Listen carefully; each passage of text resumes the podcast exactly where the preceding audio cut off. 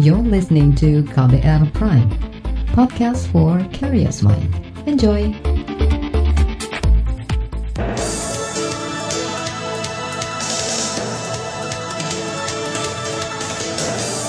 Selamat pagi saudara, kembali kami menjumpai Anda bersama Buletin Pagi, edisi Kamis 23 Juli 2020, bersama saya Eka Juli. Kami sudah menyiapkan sejumlah informasi terkini, di antaranya, ribuan laporan kekerasan mewarnai peringatan Hari Anak Nasional 2020. Polisi membantah hapus status buronan Joko Chandra. 11 kabupaten kota di Papua rawan konflik saat pilkada. Inilah selengkapnya Buletin Pagi KBR. Terbaru di Buletin Pagi. Komisi Perlindungan Anak Indonesia atau KPAI menerima sekitar 3 ribuan laporan pengaduan terkait pelanggaran hak anak – Laporan itu diterima KPAI dari awal Januari hingga Juni tahun ini. Anggota KPAI, Ai Mariati Soliha menyebut laporan itu termasuk laporan soal anak korban kekerasan seksual. Angka itu menjadi alarm peringatan saat peringatan Hari Anak Nasional yang jatuh hari ini tentu data ini menjadi alat uh, kritik dan otokritik bagi kita semua sebagai penyelenggara, sebagai saya pengawas perlindungan anak, ternyata sudah ada KPAI, sudah KPPA dengan uh, nomenklatur kementerian sekarang menjadi rujukan akhir itu masih uh, berbagai persoalan kekerasan dan seksual kepada anak misalnya ya itu masih sangat tinggi kasusnya gitu. Komisioner KPAI Ai Mariati Soliha juga menyebut KPAI mendorong peningkatan pola koordinasi lintas sektor. Ia mengatakan penanganan kekerasan seksual terhadap anak tidak bisa ditangani sendiri, termasuk dari segi penegakan hukum, rehabilitasi, dan pemulihan. Menurut KPAI, anak-anak yang menjadi korban kekerasan baik fisik, psikis, emosional, termasuk kekerasan seksual, membutuhkan pemulihan. Sementara itu, Kementerian Pemberdayaan Perempuan dan Perlindungan Anak menyebut tidak semua kasus kekerasan terhadap anak di Indonesia mendapat bantuan hukum. Deputi Bidang Perlindungan Anak, Nahar, mengatakan, ada enam skema pendampingan yang diberikan kementeriannya kepada para pelapor. Skema pendampingan itu antara lain penerimaan laporan, pemberian pelayanan kesehatan, pelayanan rehabilitasi, layanan mediasi, pelayanan reintegrasi, dan pemulangan. Nahar juga mengklaim dari hasil penyaringan berbagai kasus, beberapa di antaranya tidak mendapat pendampingan hukum lantaran korban tidak membutuhkan dan hanya mendapat pendampingan hingga pelayanan kesehatan. Jadi yang korban 58 persen yang mendapatkan layanan kesehatan, 32 persen itu mendapatkan bantuan. Sisanya itu nggak membutuhkan bantuan hukum misalnya, karena tidak ada kaitan dengan persoalan hukum misalnya. Tentu dari 32 persen ada yang disisir, tapi sedikit yang terbuang. Jadi eh, 31 persen itu bisa diproses secara penegakan hukum. Deputi Bidang Perlindungan Anak Nahar juga menjelaskan dari 31 persen kasus kekerasan anak yang masuk dalam ranah hukum, hanya 9,5 persen kasus berlanjut hingga rehabilitasi dan reintegrasi. Hal itu dikarenakan terbatasnya tempat pelayanan untuk melakukan rehabilitasi dan reintegrasi, serta jangkauan kasus yang tersebar di seluruh Indonesia. Sejak tahun lalu, saudara, Kementerian Pemberdayaan Perempuan dan Perlindungan Anak mendorong kabupaten dan kota membuat unit pelaksanaan teknis daerah atau UPTD agar bisa mengakomodasi kebutuhan layanan rehabilitasi hingga tuntas. Kantor Staf Presiden atau KSP juga menerima banyak aduan terkait perlindungan hak-hak anak selama pandemi COVID-19. Deputi 2 KSP Abednego Tarigan menyebut, dalam layanan psikologi KSP sejak sebulan lalu, lebih dari 50 persen mayoritas aduan terkait persoalan non-COVID-19, yaitu permasalahan di keluarga. Layanan itu bekerja sama dengan Kementerian Perempuan dan Anak serta Kementerian Kominfo. Ini memang tiga isu ini menjadi isu yang eh, kami cermati dan kami juga dalam posisi sekarang melakukan analisis soal kesenjangan, gap analisis di dalam kebijakan dan pelaksanaan di lapangan terkait dengan eh, pembelajaran jarak jauh di masa pandemi ini. Sehingga memang harapannya kita bisa lebih beragam. Jadi kebijakan kita itu nanti bisa memang sangat kontekstual. Misalnya di wilayah-wilayah yang hijau, eh, yang kemudian juga tidak ada keluar masuk orang dan kemudian secara faktual juga masyarakatnya memang melakukan aktivitas hanya bersifat lokal, tentu kegiatan-kegiatan belajar e, langsung bisa e, dilakukan misalnya. Ini itu tadi Deputi 2 Kantor Staf Presiden Abednego Tarigan. Banyaknya laporan terkait korban kekerasan seksual anak juga mendapat tanggapan dari Komisi 8 DPR yang membidangi perempuan dan anak. Anggota Komisi 8, Diah Pitaloka, mendesak agar perlindungan terhadap anak ditingkatkan. Bagaimana penghapusan kekerasan seksual terhadap anak? Ya bicaranya sebetulnya perlindungan terhadap anak-anak, baik itu di dalam lingkungan keluarga, lalu di masyarakat, di sekolah, ini kan banyak juga kasus-kasus yang terjadi yang seharusnya pelindung anak itu malah membuat anak itu mengalami kekerasan seksual ya banyak yang Sementara itu anggota Komisi 8 DPR lainnya Lisda Hendra Joni juga menyatakan perlindungan akan kekerasan seksual terhadap anak juga menjadi isu penting di rancangan Undang-Undang Penghapusan Kekerasan Seksual yang pembahasannya ditarik dari prolegnas DPR. Saudara, Satgas COVID-19 menyebut tingkat kematian secara nasional menyerut, menurun. Informasinya kami hadirkan sesaat lagi, tetaplah di Buletin Pagi. You're listening to KBR Pride, podcast for curious mind. Enjoy!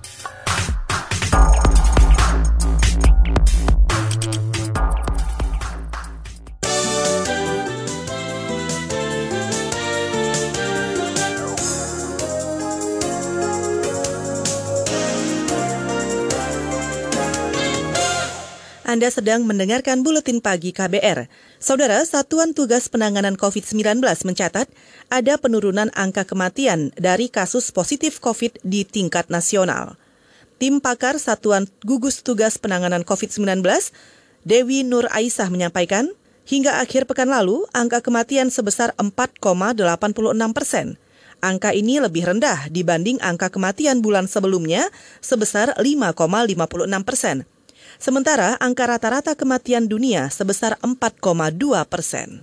Bulan berjalan, iya. angka kesembuhan kita awalnya kecil nih dokter Lula. Iya, dengan Paling tinggi ya. cuma 8,33, hmm. kemudian di bulan April ini rata-ratanya naik ke angka 9,79, yeah. kemudian di bulan Mei ini naik menjadi 27 persen, bulan Juni masih menanjak terus ke angka 37, dan terakhir ini rata-rata kita di bulan Juli sampai dengan tanggal 19 adalah 47,3 persen.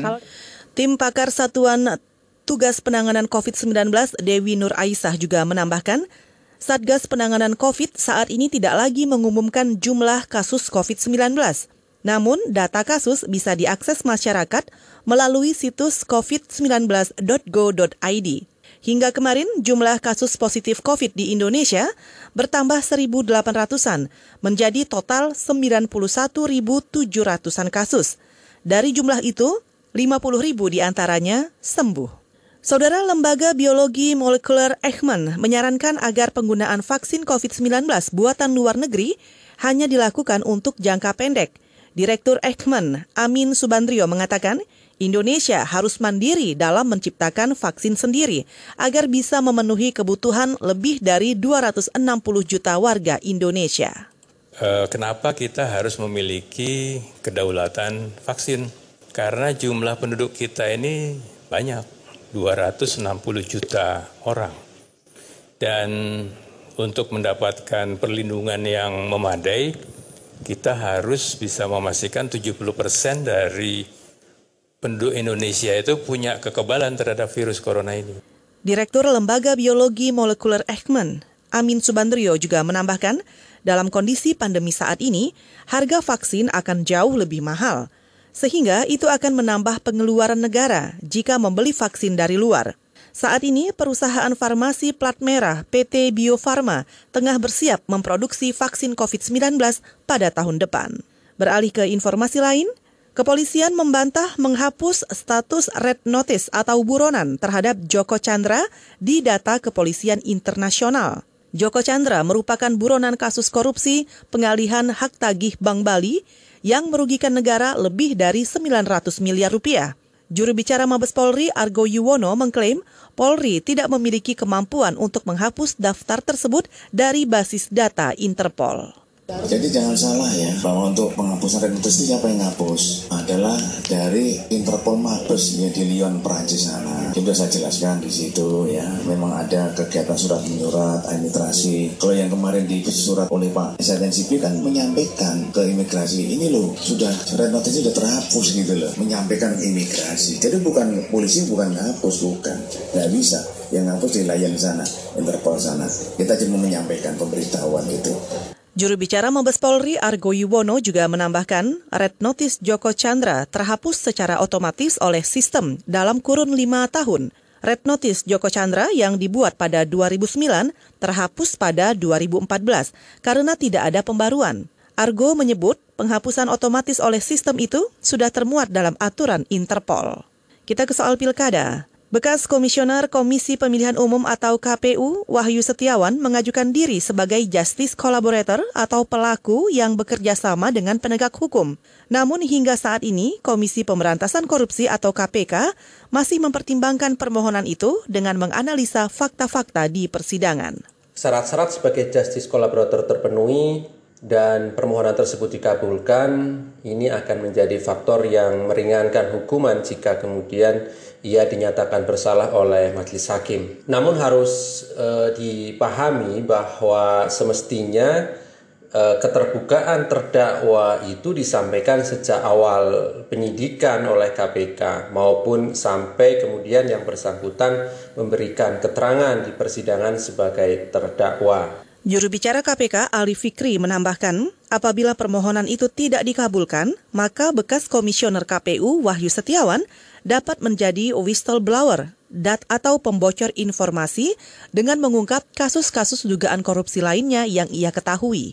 Wahyu Setiawan menjadi terdakwa penerima suap dari politisi PDI Perjuangan Harun Masiku yang ingin lolos ke kursi DPR pada pemilu 2019 lalu. Kita ke informasi olahraga. Kompetisi sepak bola di Indonesia direncanakan dimulai kembali pada Oktober mendatang. Sebelumnya, kompetisi Liga 1 dan Liga 2 dihentikan pada Maret, imbas pandemi COVID-19. Ketua Umum PSSI Muhammad Iriawan mengakui membahas penerapan protokol kesehatan dalam pelaksanaan Liga dengan Ketua Satgas COVID-19 Doni Monardo. Uh, dalam konsep kami, yang pertama tentunya protokol kesehatan nomor satu. Yang kedua, karena ini kompetisi pada masa COVID, tentunya kita mengikuti beberapa liga yang ada di dunia, yaitu tanpa penonton. Dan beliau menyepakati atau memberikan izin kepada kami untuk itu. Namun protokol kesehatan tentunya menjadi yang utama dalam hal ini. Ketua Umum PSSI Muhammad Iriawan menambahkan, PSSI akan menyosialisasikan penerapan protokol kesehatan kepada semua pemangku kepentingan liga, ofisial, pemain hingga supporter. PSSI juga mendapat bantuan dari Satgas COVID untuk pelaksanaan tes swab sebelum kompetisi bergulir. Kita ke mancanegara, lima kapal perang Australia menggelar latihan militer bersama dengan armada Angkatan Laut Amerika dan Jepang di perairan lepas Filipina, Laut Cina Selatan. Latihan gabungan ini dilakukan ketika Cina kembali meluncurkan serangkaian manuver provokatif yang membuat situasi di Laut Cina Selatan kembali menegang.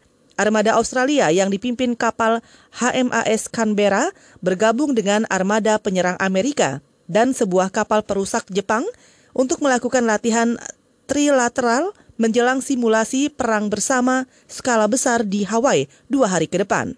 Ketegangan antara Amerika Cina terus memanas di Laut Cina Selatan. Kedua negara adidaya itu terus mengerahkan kapal dan pesawat militernya untuk memantau kawasan dan menggelar latihan di sana. Selanjutnya kami hadirkan laporan khas KBR tentang belajar jarak jauh dan dampak psikososial pada anak. Sesaat lagi tetaplah di Buletin Pagi. You're listening to KBR Pride, podcast for curious mind. Enjoy!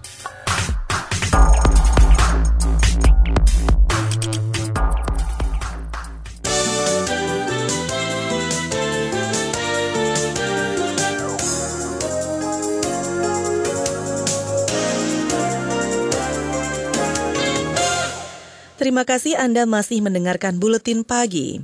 Saatnya kami hadirkan laporan khas KBR. Pembelajaran jarak jauh atau PJJ yang diterapkan sekolah atas imbauan Kemendikbud mulai berdampak pada anak. Mulai banyak anak mengeluh stres dan kelelahan. Rasa lelah itu tak hanya dirasakan murid, tetapi juga oleh orang tua. Simak laporan tim KBR dibacakan Valda Kustarini. Dengan mengenakan seragam SMA lengkap, Nazwa Amare duduk di kamarnya menunggu jam 8 pagi tiba. Sudah hampir empat bulan, sekolahnya menerapkan pembelajaran jarak jauh selama PJJ. Nazwa direpotkan dengan sejumlah hambatan. Salah satunya kendala sinyal internet. Akibatnya, ia tertinggal saat gurunya menjelaskan materi pelajaran.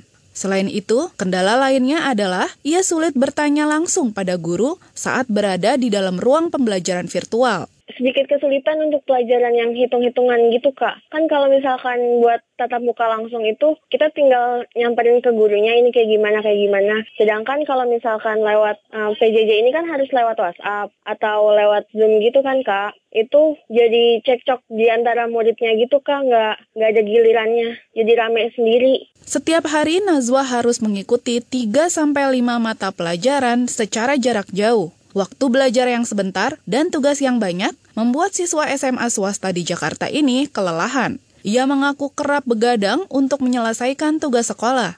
Tak hanya dihadapkan dengan rasa lelah, Nazwa juga harus berhadapan dengan rasa bosan karena terus-menerus ada di rumah. Belum lagi, sebagai murid kelas 12, Nazwa juga harus mempersiapkan diri menghadapi ujian nasional. Jika PJJ terus dilaksanakan, ia meminta sekolah mempertimbangkan materi ajar yang mudah dipahami siswa. Ya yang dicari pembelajarannya yang relate sama siswanya. Terus juga deadline-nya itu kalau bisa jangan terlalu cepat gitu kak. Soalnya kan tugas-tugas bukan dari guru itu aja tapi banyak dari guru yang lain juga. Keluhan dan kendala saat pembelajaran jarak jauh tak hanya dirasakan murid, tapi juga orang tua siswa. Mereka ikut merasakan kesulitan karena harus membantu anak dalam belajar. Dewi Patiasina misalnya, ia mengeluhkan banyak aplikasi pembelajaran daring yang digunakan putrinya. Terlalu banyak aplikasi sangat tak efektif untuk pembelajaran sehari-hari. Nah, ini yang jadi masalah sebenarnya. Jadi uh, aplikasinya banyak banget. Jadi dari mulai Google Meet, uh, Classroom, nah belakangan itu ada uh, Zoom meeting yang anak-anak belum tahu ya Zoom meeting itu kayak apa. Karena sebelumnya kan mereka lebih banyak pakai Classroom classroom itu jadi cuman gurunya ngasih tugas terus dikerjakan di classroom di Google gitu terus kemudian dikirim. Dewi juga kerepotan membantu anaknya mengikuti pembelajaran jarak jauh sementara ia harus bekerja. Ia hanya bisa membantu anaknya belajar sepulang kerja. Kalau kayak aku ibu pekerja gitu anakku di rumah cuma sama pembantu Sementara dia kadang-kadang anakku tuh telepon, "Mama, ini ada gini gini gini, ini maksudnya apa?" dan sebagainya. Coba nak tanya ke bu gurunya. Ya bu guru tuh kalau ditanya, "Ya kamu baca aja." gitu. Cuman kan nggak segampang itu. Melihat pandemi COVID-19 belum akan berakhir dalam waktu dekat, sistem pembelajaran jarak jauh kemungkinan akan berlangsung lama. Dewi meminta agar ada perbaikan sistem supaya tidak merepotkan. Misalnya aplikasi yang digunakan anak. Ia menyarankan guru hanya menggunakan satu atau dua aplikasi saja untuk pembelajaran, sehingga siswa mudah untuk mengikuti dan menerima pelajaran. Metode pembelajaran jarak jauh anak sekolah pada masa pandemi juga cukup merepotkan untuk ibu rumah tangga seperti Mala. Ibu dua anak ini tak terlalu kewalahan dengan putri sulungnya yang duduk di bangku SMP karena sudah mandiri. Namun ia harus ekstra sabar mendampingi putri bungsunya yang masih duduk di kelas 3 SD. Nah, terutama ini nih, kesabaran. Kadang-kadang kalau pas mendampingi anak gitu bawanya suka emosi. Harus sabar banget. Yang pertama sih kita ngatur waktunya ya. Kan anak-anak biasanya mulainya pagi. Kalau sekolah langsung gitu kan enak kalau anak udah berangkat ya udahlah selesai ya kita ngurusin rumah.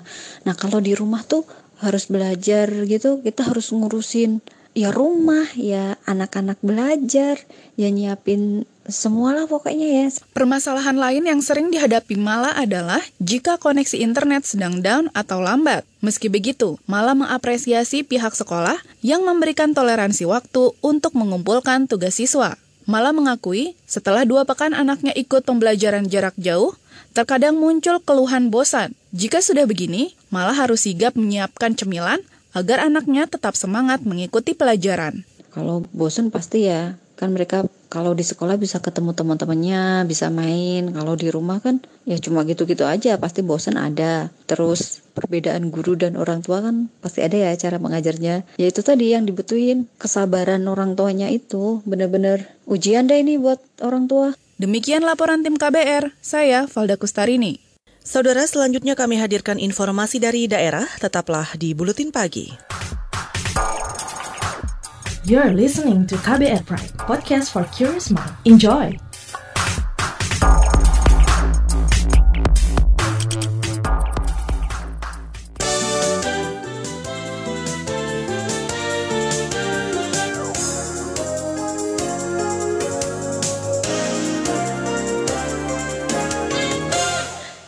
Inilah bagian akhir buletin pagi KBR. Kita ke Papua.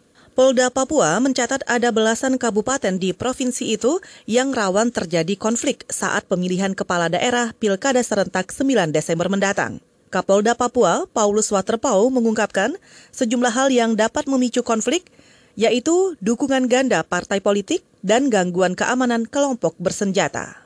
Pengalaman yang kita sudah punyai, selalu ada masalah di dalam upaya para pihak untuk langkah-langkah kerja mereka untuk meraih kemenangan-kemenangan itu. Ada 11 kabupaten yang berperan. Itu menjadi atensi kita semua. Itu tadi Kapolda Papua, Paulus Waterpau. 11 kabupaten yang akan menggelar pilkada antara lain Merauke, Boven Digul, Supiori, Mamberamo Raya, Pegunungan Bintang, dan Yakhu Kimo. Kapolda Papua berharap para pasangan calon dan tim suksesnya tidak mengerahkan kekuatan massa untuk meraih kemenangan. Kepolisian bakal memproses hukum siapa saja yang melanggar hukum saat pelaksanaan pilkada. Polda Papua akan mengerahkan ribuan personil gabungan TNI Polri ditambah personil Linmas. Kita ke Jawa Tengah. Nelayan di Kabupaten Cilacap banyak yang terjerat utang kepada tengkulak selama masa pandemi COVID-19. Ketua Rukun Nelayan Pandanarang Tarmuji mengatakan, pasar ikan dan udang yang lesu dan cuaca buruk menyebabkan nelayan banyak berutang untuk mencukupi kebutuhan sehari-hari. Hmm, jarang masuk yang ke tempat pelelangan itu ada faktor dari bakul tengkulak-tengkulak sudah berani spekulasi minjemin uang, minjemin modal juga walaupun dari kooperasi sudah tapi mereka nelayan nelayan juga akal-akalan lah pinjam sana pinjam sini gitu. Udah lama sih makanya kita untuk menanggulangi seperti itu harus seperti apa kontribusinya kooperasi ke Pemda aja kan sudah nggak ada nih retribusinya jadi dikelola sendiri ya. Kita... Ketua Rukun Tani Nelayan Pandanarang Tarmuji juga mengemukakan dalam kondisi normal, TPI Pandanarang bisa melelang ikan dengan total omzet hingga 100 juta rupiah lebih per hari. Namun kini omzetnya hanya bisa kisaran 10 hingga 20 persen dari kondisi normal. Kata dia, kondisi ini sudah lama terjadi di tingkat nelayan kecil. Namun pada masa pandemi COVID, jerat tengkulak semakin parah. Akibatnya, TPI dan kooperasi semakin terjepit. Pinjaman yang diberikan, tetapi setoran ikan nelayan seret. Saudara informasi tadi menutup jumpa kita di Buletin Pagi hari ini. Pantau terus informasi terbaru melalui kabar baru, website kbr.id, Twitter kami at berita KBR, serta podcast di kbrprime.id. Saya Eka Juli, salam.